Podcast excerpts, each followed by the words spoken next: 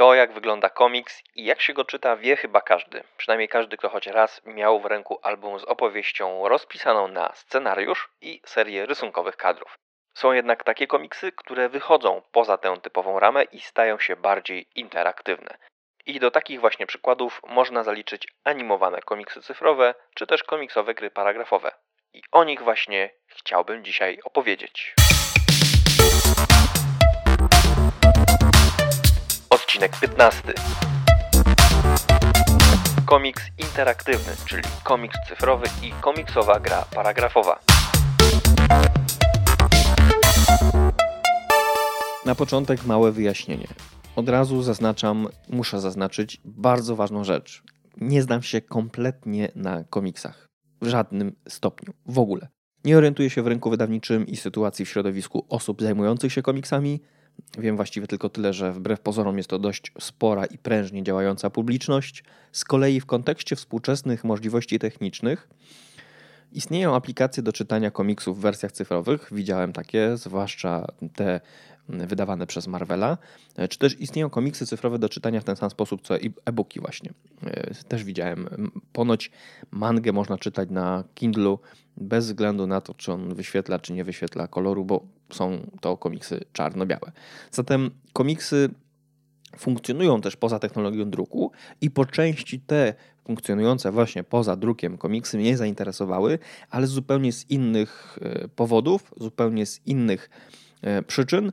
E, nie dlatego, że interesuję się komiksem, czy na nim się znam. Kompletnie jestem e, pod tym względem amatorem i ignorantem, zatem wszelkich miłośników i wszelkie miłośniczki komiksów z góry przepraszam, bo nie znam się po prostu na komiksach. W przypadku tych komiksów, o których będę tutaj opowiadał, interesują mnie trochę inne przykłady, czy funkcjonujące na trochę innych zasadach. E, i niekoniecznie e, pojawiające się wyłącznie w środowisku cyfrowym, bo jest jedna taka kategoria komiksów, która mm, jest drukowana i która mnie interesuje.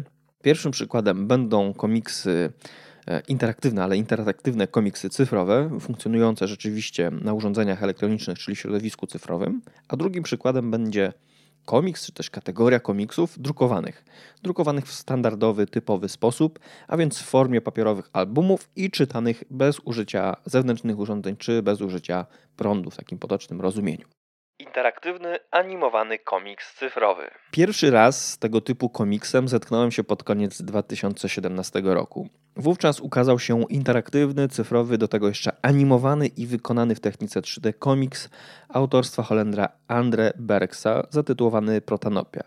Wówczas utwór był dostępny za darmo, jedynie na urządzenia z systemem iOS. Na szczęście miałem wówczas okazję przejrzeć ten komiks w całości, miałem możliwość dotarcia do niego i pisałem na ten temat do magazynu teksty. Później republikowałem ten artykuł w bibliotece. Linki podaję w opisie. Obecnie podobnych realizacji jest już więcej.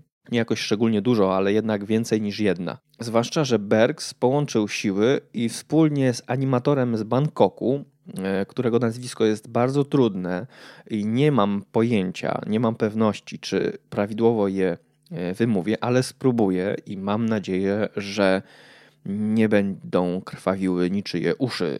Tawa, tała, tałat czai, tałat czai. Nice. Tałat czai, Junha Chai. Tak, wydaje mi się, że właśnie tak powinno się wymówić jego nazwisko. Jejku. I can't believe you've done this. Ile to było ćwiczeń. Zresztą na stronie internetowej przy jego bio, bio przy jego notce mm, biograficznej jest e, informacja, że jest szczęśliwym posiadaczem nazwiska, które rymuje się z jego imieniem. No, z pewnością e, brzmi to bardzo dobrze, jeżeli wymawia się odpowiednio. Ja niestety nie potrafię. Ale to jest tak na marginesie. I zarówno on, jak i Bergs tworzą wspólnie duet Plastik. Dzięki temu specjalnie stworzonej aplikacji poza Protanopią można czytać jeszcze takie komiksy jak Wolkenwelt oraz Jak przyznają autorzy na swojej stronie internetowej, Tworzą komiksy w technice 2,8D, a więc nie do końca w trójwymiarze. To jest jednak mniej znaczący szczegół w całej tej układance. W przypadku tych komiksów animowana czy interaktywna warstwa jest co prawda trochę ograniczona i nie daje takich możliwości, jakie moglibyśmy e, założyć, jakich moglibyśmy się spodziewać przed lekturą. Ale sama interaktywność czy, czy też ta interaktywność polega właściwie na wybieraniu poszczególnych kadrów, powiększaniu ich, na przechodzeniu od sceny do sceny. Właściwie można ten komiks czytać jak serię pojedynczych obrazków, niekoniecznie tak jak widzimy to z rzutu kartki, z rzutu strony, gdzie tych kadrów jest e, kilka lub kilkanaście, tylko po prostu pojedynczo. Przesuwamy je po prostu jak pojedyncze obrazki. To jest e, ciekawe, chociaż wydaje mi się, że już trochę przełamujące strukturę komiksu i powodujące, że to jest raczej jakiś e, obrazkowy serial niż komiks, ale to też tak na kompletnym kolejnym marginesie. Jest to więc niewiele więcej niż to, co możemy zaobserwować w jakichś innych cyfrowych wersjach komiksów, y, tak jak wspomniałem, wydawanych chociażby przez Marvela. Widziałem y, zwiastun y, takiej aplikacji, która pozwala czytać komiksy w dogodniejszy niż w formie PDF-ów na urządzeniach elektronicznych, na ekranach właśnie komiksy. Ale mm, to jest ta rzecz, która mnie tutaj nie interesuje, bo raczej mnie interesuje ten sposób ożywiania historii obrazkowej, historii komiksowej, e, bo on wydaje mi się tu bardziej intrygujący mm, i bardziej przykuwający uwagę, chociaż może trochę odciągający od treści, e, ale to jest e, też zagadnienie na zupełnie inną opowieść. Bo chodzi mi o to, jak to ożywienie wygląda, jak na to patrzymy i jaki sposób my, jako odbiorcy, wchodzimy w relację z odczytywaną historią. Bo na ekranie dzieje się dość sporo, nawet jeżeli tylko ten zaanimowany e, komiks e, czy, czy ten element, który w tym komiksie jest, dotyczy jakiegoś prostego, e, drobnego składnika świata przedstawionego. Chodzi mi na przykład o to, że czasami zanimowany może być powiew wiatru, to znaczy ruch, e, nie wiem, liści, czy, e, czy ten taki typowy komiksowy, e, typowo komiksowa kreska oznaczająca czy podkreślająca, że akurat wieje wiatr, albo na przykład, że mruga oko danej postaci, czy cokolwiek innego, innego i tak dalej. To są takie drobinki, ale mm, uatrakcyjniające cały przekaz. Ponadto wbudowany w urządzenia elektroniczne żyroskop pozwala na wprowadzenie opcji kontroli kąta widzenia. Tak myślę mogę, można określić, chociaż oczywiście to też jest dosyć mm, ograniczone, e, dzięki czemu wzmacniamy poczucie ruchu na ekranie oraz uczestniczenia w opowiadanej historii. To znaczy ta imersja, czyli wejście, wchłonięcie przez opowiadaną historię jest zdecydowanie większe niż w przypadku tych standardowych, takich drukowanych, czy nawet y, jeżeli elektronicznych, ale w tej takiej powiedzmy uproszczonej formie komiksów. I poprzez poruszanie na przykład naszym tabletem, tak, czy iPadem, smartfonem, czy czymkolwiek innym, yy, możemy zdecydować, z której strony patrzymy na bohaterów. Oczywiście, tak jak powiedziałem, ten kąt widzenia jest ograniczony. To nie jest tak, że widzimy ich 360 stopni z góry, z dołu, skądkolwiek, ale jednak w jakiś sposób trochę możemy manipulować tym kątem widzenia. E, I to jest bardzo nowatorskie, wydaje mi się, jeżeli chodzi o komiks e, jeżeli chodzi o obrazkowe narracje, zastosowanie tej techniki, ale jest to bardzo ciekawa rzecz. A teraz przechodzimy dalej do kolejnej rzeczy, która już nie jest tak ściśle, a na właściwie to nawet w ogóle nie jest związana z elektrycznością, elektronicznością i tego typu historiami. Time to get serious. Komiksowa gra paragrafowa. I tak drugim rodzajem interaktywnych komiksów są wydawane w Polsce, akurat przez wydawnictwo Fox Games, albumy określane mianem komiksów, chociaż właściwie mające cechy gier paragrafowych. Nie bez powodu wydawaniem ich zajmuje się oficyna, która dystrybuuje również gry różnego rodzaju, gry karciane, planszowe itd., tak itd. Tak Więc gdyby to też umiejscawia te y, komiksy czy te gry komiksowe w odpowiednim miejscu.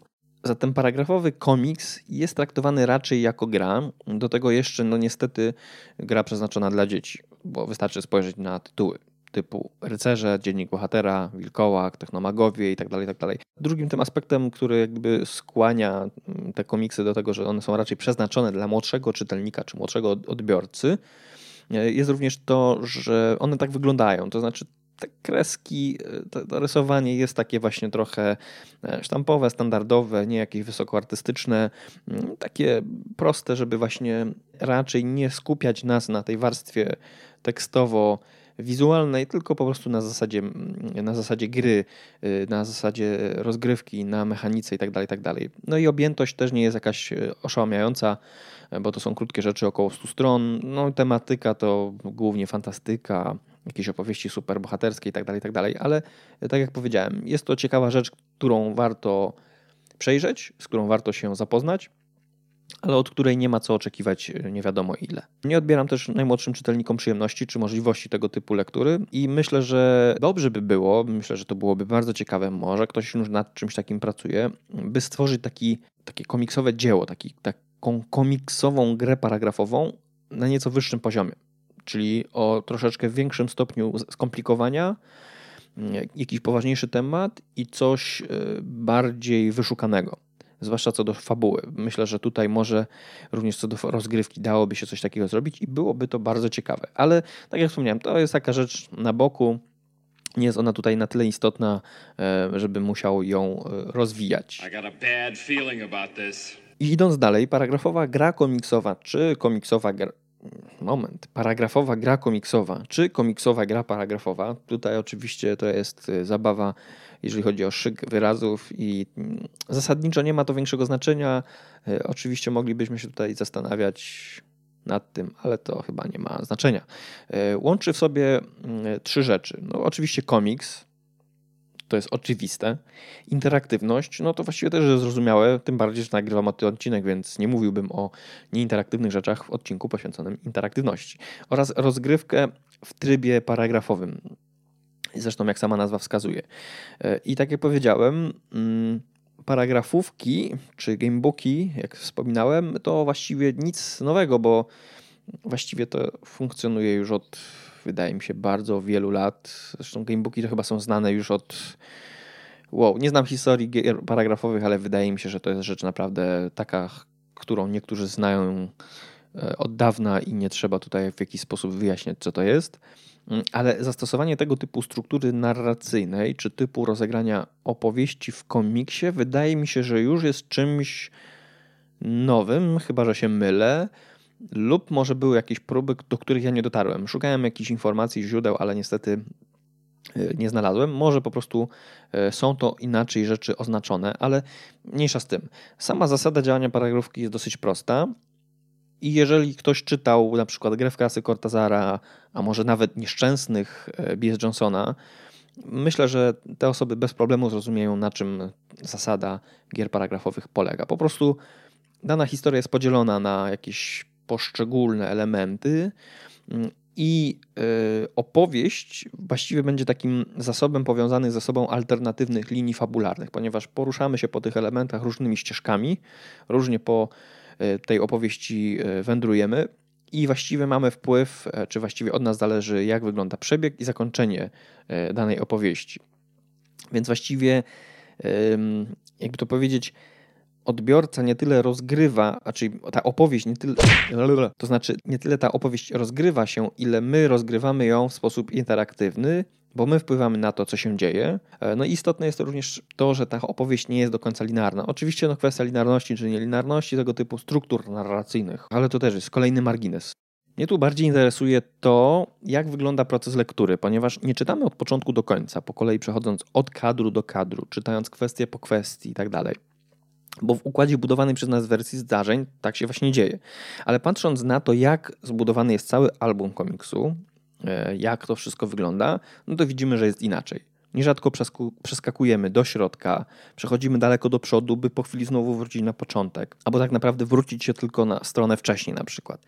Tak naprawdę więc czytanie czy też właściwie granie w tę interaktywną komiksową historię polega na kartkowaniu, przechadzaniu z jednego kadru wersji tekstowej, byłby to paragraf, do drugiego kadru itd. Tak itd. Tak I z moich dotychczasowych doświadczeń lekturowych, a przebrnąłem przez e, trzy takie komiksy, tak wnikliwie, chociaż mam ich chyba pięć albo sześć, wynika, że choć istnieje parę różnych zakończeń, czy też ścieżek, po których jako bohaterowie komiksu podążamy, to w pewnym momencie lektura lub rozgrywka staje się przewidywalna.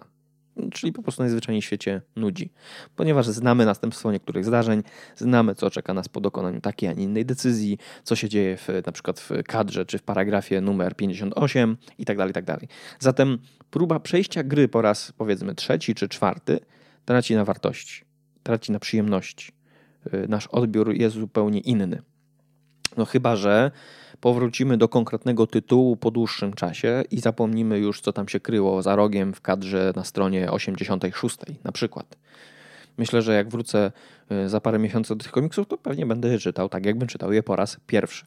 Ale uogólniając i podsumowując już y, te rozważania na temat tych typów komiksów, bez wątpienia jest to interesująca i angażująca rozgrywka. To bez dwóch zdań. Tym bardziej, że nie ograniczamy się do czytania i przeskakiwania z miejsca na miejsce ponieważ do poszczególnych, e, znaczy do poszczególnych, e, do niektórych albumów dołączone są na przykład karty bohaterów, specjalne tabele, dzięki którym możemy nie tylko monitorować rozwój postaci, zdobywane przez nie, nie wiem, rekwizyty i tak dalej, tak e, dzięki czemu możemy monitorować postęp rozgrywki, ale również możemy stosować określone zasady, które są rozpisane na początku lub na końcu albumu, w zależności od tego, gdzie akurat regulamin gry jest zaznaczony i są pewne elementy, które nawiązują do losowości, to znaczy do tego typu losowego. No bo na przykład trzeba użyć kostki do gry, albo coś jest zależne od tego, w jakim miejscu już byliśmy, e, co widzieliśmy, kogo spotkaliśmy, co, jaką informację nam przekazał i tak dalej, i tak dalej. Czyli właściwie takie standardowe elementy gry, które są stosowane również w grach elektronicznych e, i tak dalej, i tak dalej. E, I Mm, ten, to losowość też jest na przykład wynika z tego, jaką konkretną postać, czy jakie właściwości tej postaci, e, czy jej umiejętności wybierzemy, ponieważ jeżeli trafimy na przeciwnika, którego musimy pokonać, e, albo którego musimy przechytrzyć w jakiś sposób, no to zgodnie z kartą bohatera, na przykład z jego umiejętnościami, no to decyduje E, czy wygraliśmy, czy nie wygraliśmy, czy przejdziemy dalej, czy, czy musimy gdzieś indziej iść, czy uciekniemy i tak dalej, tak. Tak, czyli jest dużo takich elementów zmiennych, dużo właściwości zmiennych, które wpływają na to, że ta rozgrywka jest myślę, że troszeczkę nieprzewidywalna pod tym względem, ale tak jak powiedziałem, jeżeli trafimy na tę daną sytuację po raz kolejny, po raz kolejny, po raz kolejny, no to już trochę się ta przewidywalność zaczyna włączać. Ale to też jest taka rzecz, którą po prostu trzeba samodzielnie już e, przy lekturze, przy rozgrywce poznać. Ale co więcej? Chcąc jednak zastanowić się, co tak naprawdę z tego wszystkiego wynika i co może nas, jako odbiorców podobnych utworów, spotkać, sądzę, że aż nadto oczywiste wydaje się stwierdzenie, że chodzi tu o połączenie obu tych form, obu form komiksowej opowieści, a więc świata cyfrowego oraz drukowanego obu opartych na alternatywności, interaktywności, audiowizualności i czegokolwiek tam jeszcze można by nie dołożyć. Myślę więc, że mogłaby więc powstać taka komiksowa hybryda, która cechowałaby się albo, nie wiem, transmedialnością, albo intermedialnością, dzięki czemu opowieść poznawalibyśmy jako animowaną, może nawet hipertekstową i audiowizualną warstwę cyfrowego świata bohaterów, Inna część mogłaby być przeniesiona do tradycyjnej, choć nie tak oczywistej, przestrzeni druku, gdzie dokonywalibyśmy wyborów, weryfikowalibyśmy postęp narracji, czy też w sposób bardziej fizyczny doświadczalibyśmy interakcji tego rodzaju komiksu. Myślę tu o takim, i to będzie straszne uproszczenie, bardzo duże uproszczenie. Myślę tu o takim połączeniu niesamowicie liberackiego dzieła pod względem fizycznym, drukowanym i niezwykle rozbudowanego, interaktywnego przedmiot, przedmiotu, utworu cyfrowego, który rozgrywa się na ekranie czy to komputera, czy jakiegokolwiek innego urządzenia. I wtedy komplementarnie te dwie rzeczy, gdyby były tak połączone na tyle, że nie dałoby się poznać historii bez zanurzenia zarówno w jeden, jak i w drugi e, system, powiedzmy tak, to byłoby naprawdę coś. Nie wiem, może ktoś kiedyś coś takiego wymyśli, coś takiego powstanie. Zatem wydaje mi się, że tak czy siak przed komiksem, jak i w ogóle przed jakimikolwiek innymi utworami, tak? czy to przed literaturą elektroniczną, czy nie wiem, nawet grami i tak dalej, stoją naprawdę ciekawe wyzwania, ciekawe szanse i wydaje mi się, że te trzy rzeczy, czyli gry, komiksy i literatura elektroniczna, mogą rozwinąć się w takim kierunku, w którym jak się spotkają, to wyjdzie naprawdę coś niewyobrażalnego. Dobra, to wydaje mi się, że to tyle z tego gadania. Wyszło pewnie znowu bardzo długo. Nie potrafię kontrolować swego czasu, ale to jest nieistotne.